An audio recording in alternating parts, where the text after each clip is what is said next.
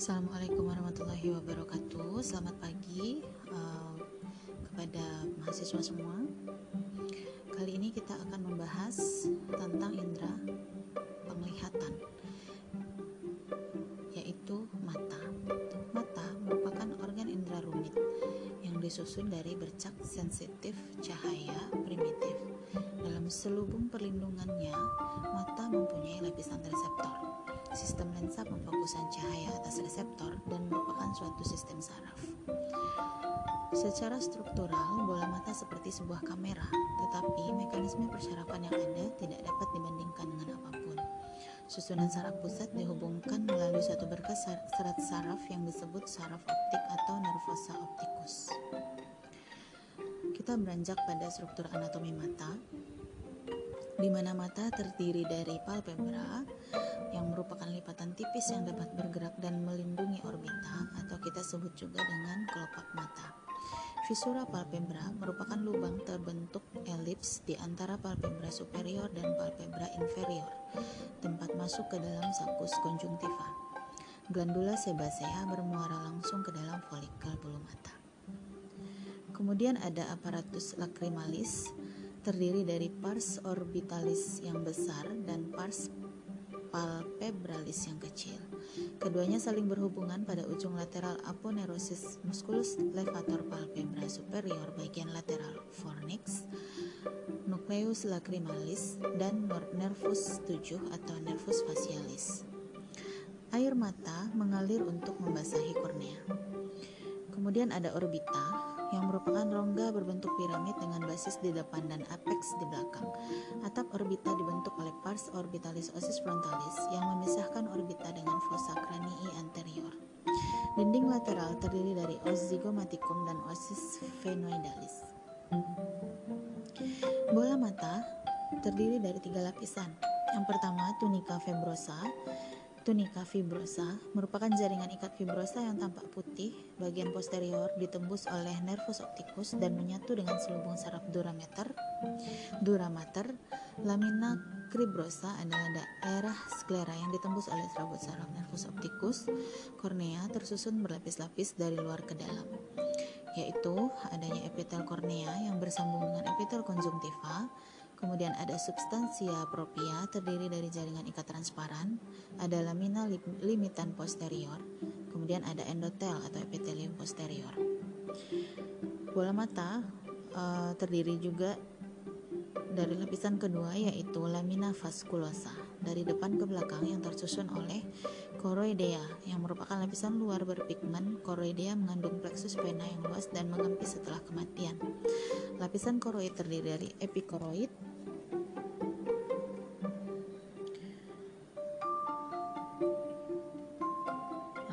pembuluh kapiler, koroid kapiler, dan lapisan elastika. Kemudian ada korpus siliar, siliaris, dan ada iris. Iris yang merupakan diafragma berpigmen yang tipis terdapat di dalam aqueous humor di antara kornea dan lensa.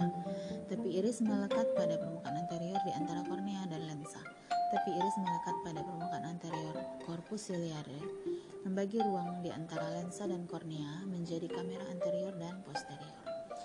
Kemudian ada lapisan ketiga pada bola mata, yaitu tunika sensoria. Retina terdiri dari pars pigmentosa, sebelah luar melekat pada choroidea dan pars nervosa, sebelah dalam berhubungan dengan corpus vitreum. Retina optikal melapisi koroid mulai dari papila saraf di bagian posterior hingga ora serrata anterior.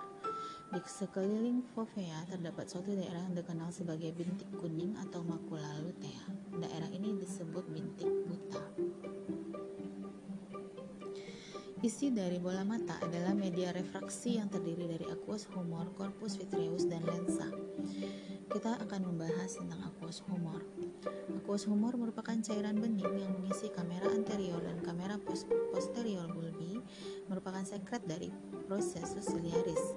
Dari sini, cairan mengalir ke dalam kamera posterior, kemudian ke dalam kamera anterior melalui pupil, dan diangkut melalui celah-celah angulus iridocornealis ke dalam kanalis clamp. Kemudian ada corpus vitreus, mengisi bola mata di belakang lensa yang merupakan gelombang transparan yang dibungkus oleh membran vitreus. Pada daerah perbatasan dengan lensa, membran vitreus menebal, terdiri dari lapisan posterior menutup corpus vitreum. Kemudian ada lensa. Lensa badan bikonveks yang transparan terletak di belakang iris, di dekat corpus vitreum dan dikelilingi oleh proses ciliaris yang terdiri dari kapsul elastis, epitel kuboid, serat-serat lensa. Agar mata berakomodasi melihat yang dekat, muskulus ciliaris berkontraksi dan menarik korpus ciliari ke depan dan ke belakang. Fisiologi penglihatan yang bekerja pada mata mempunyai fungsi optikal untuk melihat dan saraf untuk transduksi atau mengubah bentuk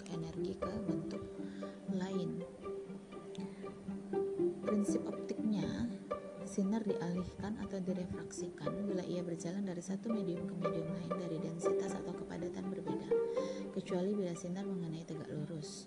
Sinar yang sejajar mengenai lensa bikonveks direfraksikan ke satu titik di belakang lensa. Fokus utama pada garis yang berjalan melalui pusat kelengkungan lensa sumbu utama, jarak antara lensa dan fokus utama merupakan jarak fokus utama. Jumlah dioptrik atau pembiasan cahaya merupakan kebalikan jarak fokus utama dalam meter. Misalnya, suatu lensa dengan jarak fokus utama 0,25 meter mempunyai kekuatan refraksi 1 per 0,25 atau 4 dioptri. Mata manusia mempunyai kekuatan refraksi sekitar 66,7 dioptri saat istirahat. Pembiasan cahaya Cahaya merambat melalui udara dengan kecepatan 300.000 km per detik, tetapi perambatan melalui benda padat dan benda cair yang transparan jauh lebih lambat. Indeks bias substansi transparan merupakan rasio dari kecepatan cahaya dalam udara dengan substansi benda padat dan benda cair. Penerapan prinsip pembiasan bisa kita lihat pada berbagai macam lensa berikut ini.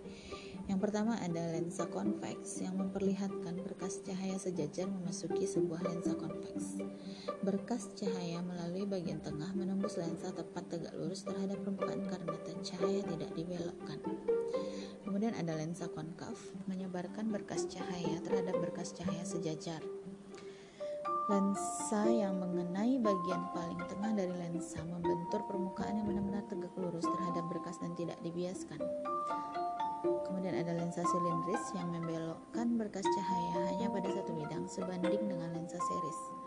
Lensa silindris membelokkan cahaya yang datang dari kedua sisi lensa tetapi tidak dari atas ke bawah. Pembelokan terjadi pada satu bidang ke bidang yang lain. Cahaya sejajar dibelokkan menjadi garis fokus. Kemudian ada kombinasi dua lensa silindris. Dua lensa silindris konveks yang terletak te saling tegak lurus. Lensa silindris yang vertikal, memusatkan cahaya yang datang melalui kedua sisinya dan lensa horizontal memusatkan cahaya yang datang melalui sisi atas dan sisi bawah. Pembentukan bayangan Fungsi optik mata adalah menangkap cahaya dari objek agar bentuk ketajaman tertentu dari bayangan objek di retina dapat ditangkap. Bayangan yang jatuh pada retina akan menghasilkan sinyal, sinyal syaraf dalam mozaik fotoreseptor di, di bagian lain dari retina. Selanjutnya, retina mengirim bayangan dua dimensi ke otak untuk direkonstruksi menjadi tiga dimensi. Sinar dari objek akan melalui sejumlah media transparan sebelum sampai di retina. Media ini membantu refraksi atau pembiasan dan konvergensi atau kecenderungan ke arah satu titik sinar sehingga bayangan tepat jatuh di retina. Media ini dinamakan kornea lensa, menangkap cahaya dari objek sebagai cahaya yang sejajar pada jarak lebih 6 meter. Cahaya ini akan dikumpulkan masuk ke dalam titik api yang berjarak normal dalam keadaan istirahat. Dari lensa cahaya diteruskan sepanjang aksis optik ke cairan humor vitreus. Cairan ini mempertahankan bentuk bulat bola mata.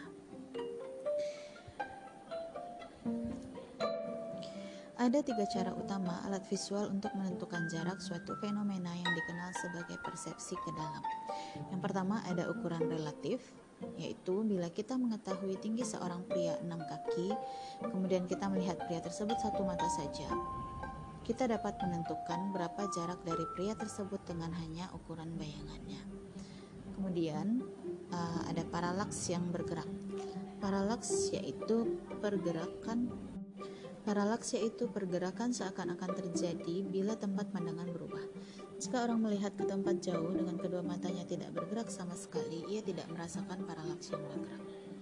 Kemudian ada stereopsis, sebuah bayangan atau sebuah benda yang terletak satu inci di depan batang hidung, membentuk bayangan pada bagian temporal retina tiap mata. Sebuah benda kecil 20 kaki di depan hidung mempunyai bayangan pada titik-titik yang sangat bersesuaian dengan uh, di tengah mata.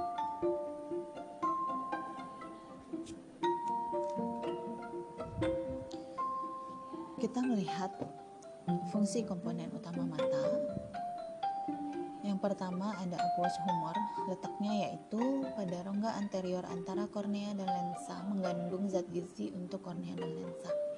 Fungsinya merupakan cairan encer jernih yang terus-menerus dibentuk. Kemudian ada corpus ciliaris terletak uh, pada lapisan koroid di sebelah anterior yang membentuk suatu cincin yang mengelilingi tepi luar lensa. Fungsinya membentuk aqueous humor dan mengandung otot ciliaris. Kemudian ada bintik buta yang merupakan titik yang sedikit di luar pusat di retina dan tidak mengandung fotoreseptor atau dikenal sebagai diskus optikus. Fungsinya rute untuk berjalannya saraf optikus dan pembuluh darah. Kemudian kita lihat lagi fovea yang terletak pada bagian tengah retina yang berfungsi untuk daerah dengan ketajaman paling tinggi. Kemudian ada iris, yaitu cincin otot yang berpigmen dan tampak di dalam aqueous humor yang berfungsi mengubah ukuran pupil dengan berkontraksi. Kemudian ada kornea, lapisan paling luar mata yang jernih di anterior yang menentukan warna mata. Kemudian ada koroid, lapisan tengah mata yang berperan sangat penting dalam kemampuan refraktif mata. Kemudian ada lensa yang terletak antara aqueous humor dan vitreous humor melekat di otot-otot ciliaris melalui ligamentum suspensorium. Berpigmen untuk mencegah berhamburannya berkas cahaya di mata, mengandung pembuluh darah, memberi makan retina di bagian anterior, membentuk badan iris dan ciliaris. Ligamentum suspensorium tergantung di antara otot ciliaris dan lensa, menghasilkan kemampuan refraktif yang bervariasi selama akomodasi. Kemudian ada makula lutea, daerah tepat di sekitar fovea yang penting dalam akomodasi mata. Kemudian ada neuron bipolar, lapisan tengah sel-sel saraf di retina oleh mata. Memiliki ketajaman yang tinggi karena banyak mengandung sel kerucut. Ada otot siliaris, komponen otot sirkuler ke badan siliaris melekat ke lensa melalui ligamentum suspensorium yang penting dalam pengolahan rangsangan cahaya. Kemudian kita lihat pupil yang merupakan lubang anterior di bagian tengah iris yang berfungsi untuk akomodasi mata. Retina, lapisan mata yang paling dalam, memungkinkan jumlah cahaya yang masuk ke mata bervariasi. Saraf optikus keluar dari setiap setiap mata di diskus optikus atau bintik buta, mengandung fotoreseptor atau sel batang dan sel kerucut. Bagian pertama jalur penglihatan ke otak. Sel batang yaitu fotoreseptor di lapisan luar paling luar retina yang bertanggung jawab untuk penglihatan dengan sensitivitas tinggi, hitam putih dan penglihatan malam. Kemudian sel ganglion, lapisan dalam retina yang penting untuk pengelolaan rangsangan cahaya oleh retina, membentuk saraf optikus. Kemudian ada sel kerucut, fotoreseptor di bagian paling luar retina, bertanggung jawab untuk ketajaman penglihatan warna dan penglihatan siang hari. Sklera, lapisan luar mata yang kuat, lapisan jaringan ikat protektif membentuk bagian putih mata yang di bagian interior membentuk kornea. Vitreous humor antara lensa dan retina, zat semi cair mirip jeli yang membantu mempertahankan bentuk